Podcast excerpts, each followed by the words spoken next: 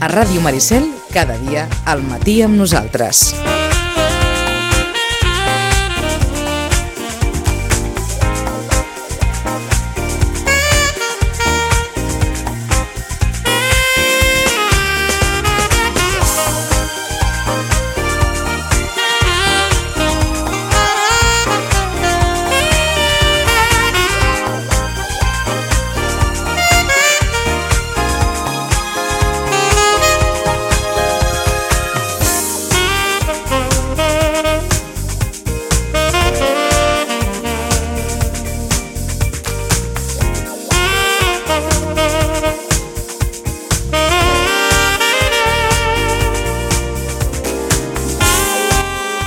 Aquí, soc aquí. Les 10 i 56. Vinga, fem un canvi, eh? Perquè anem a parlar ara de formatges.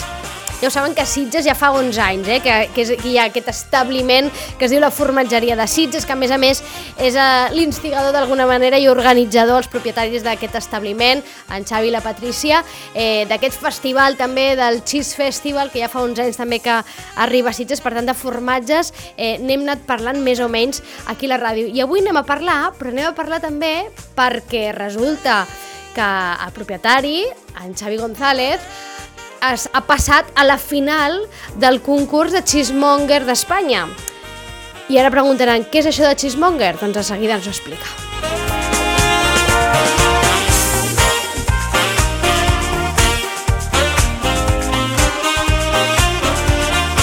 Xavi González, molt bon dia. Hola, bon dia, Carola. A veure, comencem. Què és això de cheesemonger? Perquè aquesta paraula encara no l'havíem escoltat, eh? És una bona pregunta, és una bona pregunta, és un cheesemonger.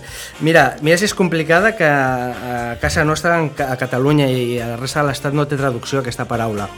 Uh, jo et diria que cheesemonger és un expert en tot allò relacionat amb el món del formatge. Uh -huh. Un cheesemonger ha de saber com es fa un formatge, quines són les característiques organolèptiques del formatge, textura, sabor, com afinar un formatge, és a dir, trobar el seu punt òptim de maduració pel consum, ser capaç de, amb indicacions que digui el client, saber encertar quin és el seu formatge preferit, saber maridar-lo amb, amb vins, amb cerveses, amb caves, Uh, saber presentar una fusta de formatges que tingui un equilibri per què ho has fet i per tant tot això seria un cheesemonger la traducció més acurada se, vindria a ser com un sommelier de formatges. Mm -hmm. Com un mestre formatger, però no és una persona que fa formatges, eh? No, perquè aquí a casa nostra el formatger generalment és qui fa els formatges. Uh -huh. Igual que a França sí que hi ha la paraula que li diuen fromager, que sí que és el que ven i treballa amb els formatges, aquí a casa nostra encara no hem sigut capaços de trobar una paraula De trobar una paraula. Per tant, aquest és el repte, eh? I si això realment eh, entra tan fort com sembla que està entrant tot aquest món dels formatges, doncs segurament acabarà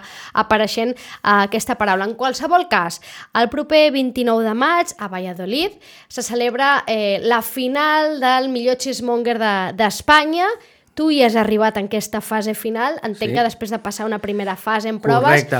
contra uns quants competidors, eh? Pel que ens va dir l'organització, érem més de 100 participants, vam haver de passar una prova online de preguntes tècniques i teòriques i d'aquí van sortir els 10 millors.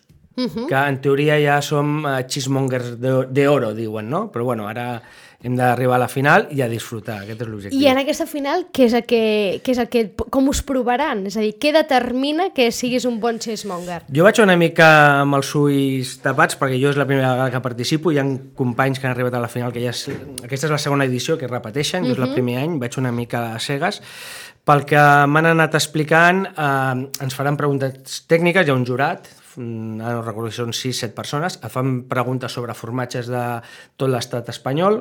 Coneixes aquest formatge? Amb què el maridaries? Com és? On es fa? O sigui, has de tenir una mica de, de culturita de, dels formatges.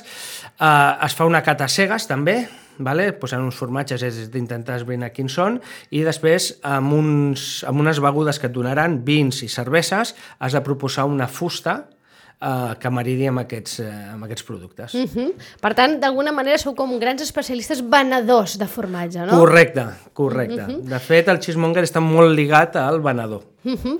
de, I, de fet, d'alguna manera tu ja ets una mica xismonger aquí a Sitges, perquè fa 11 anys que va obrir la formatgeria de Sitges i t'hi dediques, no? Sí, és, sí, sí, és el sí. teu dia a dia, això. A part del meu dia a dia, l'altre dia anava pensant que a part de la feina del dia a dia, i d'anar a fires i fer de jurat a fires, dedico una mitja de 3 a 5 hores setmanals a anar investigant formatges nous i coses noves que surten al mercat. Perquè eh, eh, és, és habitual, és a dir, surten molts formatges nous d'una manera recurrent? Sí, i cada vegada més. Estem vivint, afortunadament, un èxode de, del món urbà cap al camp Sí. I l'elaboració de formatges és una via eh, de sortida per a aquesta gent que vol anar al camp i subsistir al camp i cada cop hi ha més gent, i sobretot gent jove que, que s'hi anima, no? I cada vegada surten productes nous. Uh -huh. Fa, falta aquí alguna cosa pel Garraf, a part de Campera, però sí, sí, cada cop hi ha més formatges. Hi ha formatges aquí al Garraf, del a Garraf? Campera, a Sant Pere de Ribes, hi ha la Granja Escola, Sí. que antigament havien tingut ramat de cabres, ara ja no, compren la llet, però compren llet a cabres d'aquí de, de Ribes i fan formatge. Uh -huh. I què es necessita per fer? O què, o què ha de tenir un bon formatge? Uh, primer, uh, i el secret, és una bona llet.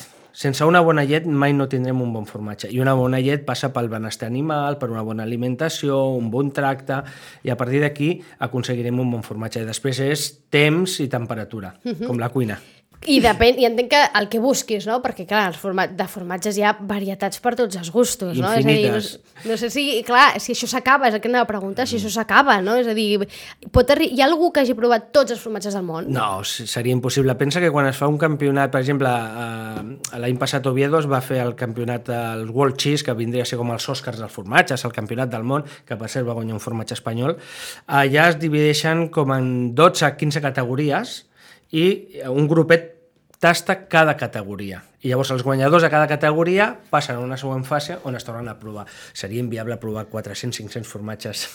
Clar, i mm, eh, eh, entenc que part de la teva feina, més enllà de l'establiment, és anar descobrint formatges, doncs? Bueno, ens definim com a caçadors de formatges. Vale? Allà on anem sempre preguntem, perquè de vegades hi ha gent que fa formatge, nosaltres ens hem trobat de vegades que hem trobat peces exquisites, però que no les venen. Les venen només a mercats locals. I diuen, amb aquesta feina ja venc tota la meva producció, no em vull liar a començar a enviar sitges i, de... i la nostra feina és intentar convèncer-los o fins i tot anar nosaltres a comprar-los en persona i portar-los. I portar-los cap aquí. Això ens passa molt amb els formatges canaris.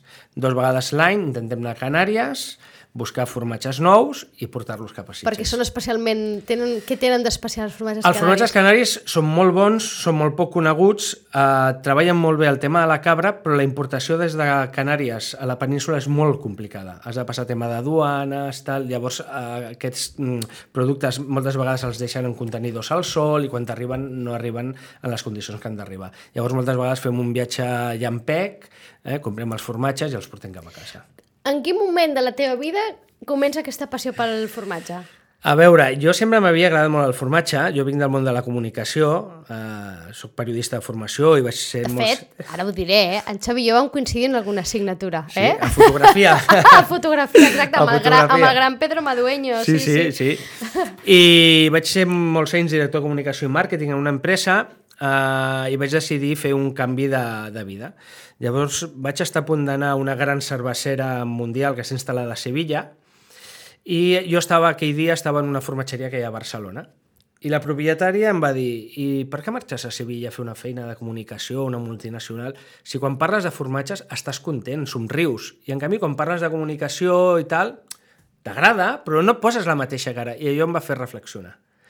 Així que amb una petita indemnització que vaig tenir de l'última feina vaig dir, anem a provar-ho, anem a intentar viure d'una cosa que ens apassiona, i així vam fer el canvi. I- I, d'això fa 12 anys. Uh -huh. I així va, va néixer la formatgeria de Sitges, però clar, d'entrada algú podria pensar que un establiment doncs, dedicat al formatge, però que es quedaria aquí, però tu has continuat, és a dir, no t'has quedat només en el que és l'establiment, no? Doncs ara ho deies, te'n vas a concursos, viatges per buscar el formatge, és a dir, la teva curiositat, diguéssim, o interès pel món del formatge ha anat més enllà, fins al punt d'arribar a aquest concurs, Sí. no? Bueno, com diu el Piqué, m'agrada destacar en todo lo que hago, no?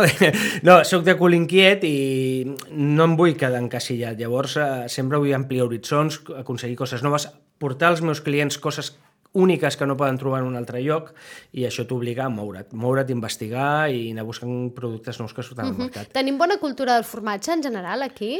No, no, no. Mm, millor que fa uns anys. Pensa que fa uns anys teníem el manchego, el queso de bola i, I el ja bruguer.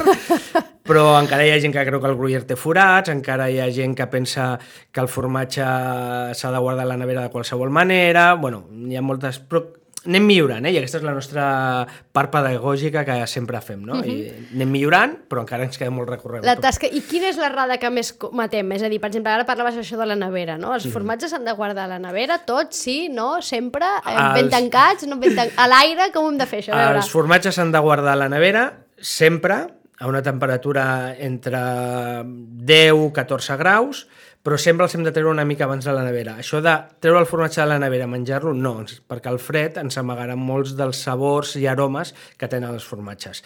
I després intentar sempre guardar-lo en un tàper, amb un drapet de cotó una mica húmid, perquè no li falti humitat al formatge, si no se'ns assecarà. Eh, bueno, són diferents coses que hem, que hem d'anar explicant i anar, anar picant. No, no, i que està bé i prenem nota, perquè al final, jo no sé, em, hi ha poca gent que no li agrada el formatge, no? N'hi ha, perquè n'hi ha. I a més acostuma a passar que la gent que no li agrada el formatge, jo crec que no li agrada mai a la vida. És a dir, és, com, no? és dir, com difícil de, de, de modificar això, però Hi ha gent que, que li agrada el formatge i persones que no li agrada el formatge. ho deixem així, però en qualsevol cas acostuma a ser un producte que agrada. Sí, sí, sí, I a sí. més a més, com que entenc que hi ha tantes varietats de formatge, no? És a dir, és molt fàcil que hi hagi gent que li agrada un tipus de formatge i un altre no, ja, no? Hi ha gent, formatges més, més suaus, més eh, fluixos, no sé si hi ha un formatge que sigui com d'alguna manera que sempre triomfa, és a dir, aquell formatge en el que dius aquest agra- t'agradarà segur, o agradarà a tothom tots, gairebé. tots tenim gustos molt diferents. Mira, tenia una amiga que no li agradava el formatge, de fet anaves a fer una pizza amb ella i te la demanava sense formatge. Sí, sí, és que a qui no li agrada el formatge no li agrada per res. Per res. I amb el temps vaig aconseguir que li agradés el formatge, però, però només els formatges curats. Uh -huh. Cosa sorprenent, que dius, però... Que són Su- més forts, són no? més forts. Però ella, el que no li, no li agradava, li agradava era la textura dels cremós, això li donava com una mica de repelús, no? Però, bueno, amb les seves indicacions vaig dir, mira, prova aquests dos formatges. Si no t'agraden, no t'insistiré mai més.